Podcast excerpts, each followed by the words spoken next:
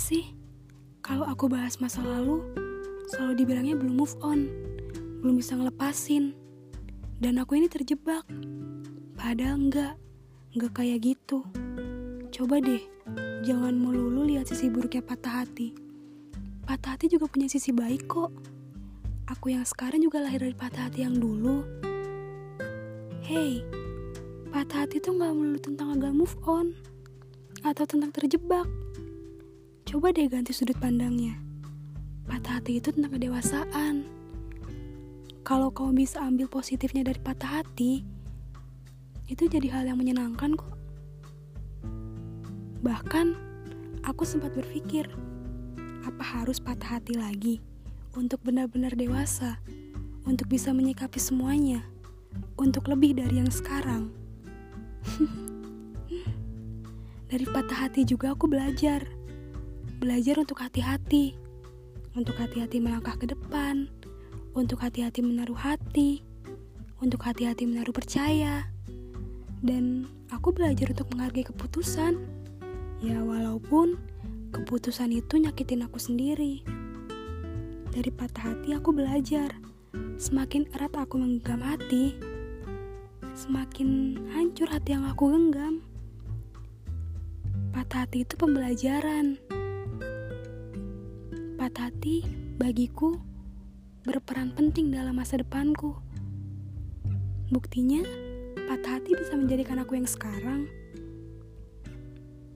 Bukankah dunia ini terlalu fana untuk terus benci terhadap masa lalu? Padahal, berdamai dengan masa lalu itu sangat menyenangkan. Serius. Tapi, berdamai yang ku maksud bukan tentang harapan Berdamai itu ketika aku bisa menerima dia dengan pilihannya. Aku bisa menghargai keputusan dia walaupun dia mintaku pergi. Hmm, walaupun sampai di titik ini aku masih sama. Sama seperti dulu saat dia ninggalin aku. Aku masih ada di titik ini. Aku masih sendiri. Aku bicara apa sih? entahlah. Hmm, tadi sampai mana ya? Sebentar aku kehilangan teks. Oh iya.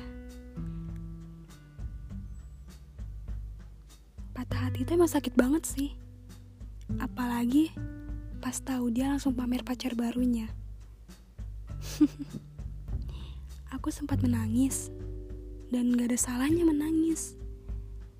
Yang salah itu ketika aku memilih untuk menangis dan terus-terusan stuck di fase itu. Fase di mana dia yang meminta aku pergi dan aku terluka sendirian. Patah hati itu pahit banget. Mungkin saking pahitnya gak ditemukan obat untuk patah hati. Karena patah hatinya sendiri udah pahit. Kalau tambah obat makin pahit. Hidup juga udah pahit. Kecuali melawan diri sendiri untuk gak terus berharap. Gak terus stuck di masa itu. Gak ada yang gak apa-apa dari patah hati. Percayalah, orang yang bilang gak apa-apa saat patah hati, dialah orang yang paling lemah. Dia butuh dikuatkan. Dia butuh dimengerti bukan cuma sekedar kata sabar ya. Setelah patah hati itu akan ada sos maaf, maaf banget aku salah terus ngomongnya. Setelah patah hati itu akan ada sesuatu yang indah kok. Lama atau enggaknya itu urusan Tuhan. Kita harus percaya bahwa semua yang pergi akan digantikan dengan yang baru. Gak tahu kalau balikan. kalau saat ini kamu sedang patah hati, nangis aja, gak apa-apa. Tapi jangan lupa bangkit. Dan jangan terus-terusan stuck di masa. Aduh, acak-acakan banget. Kalau saat ini kamu sedang patah hati, jangan lupa bangkit. Dan jangan memilih untuk terus-terusan stuck di fase itu. Kita nggak selamanya ada di fase itu kok. Bahkan, suatu saat, kita bisa menertawakan apa yang kita tangisi saat ini. Lucu kan? Patah hati bisa selucu itu. Uh, kalau dia nyuruh kamu pergi, ya kamu turuti. Itu tandanya itu tandanya dia baik. Dia kasih kamu kesempatan untuk cari yang lebih baik dari dia. Dia nggak bikin kamu terus berharap sama dia yang gak bisa ngasih hati ke kamu. Udah ya, jangan sedih lagi. Patah hati baik kok. Patah hati baik banget. Dan suatu saat juga kamu akan bersyukur karena patah Astagfirullahaladzim Suatu saat kamu juga akan bersyukur karena pernah patah hati.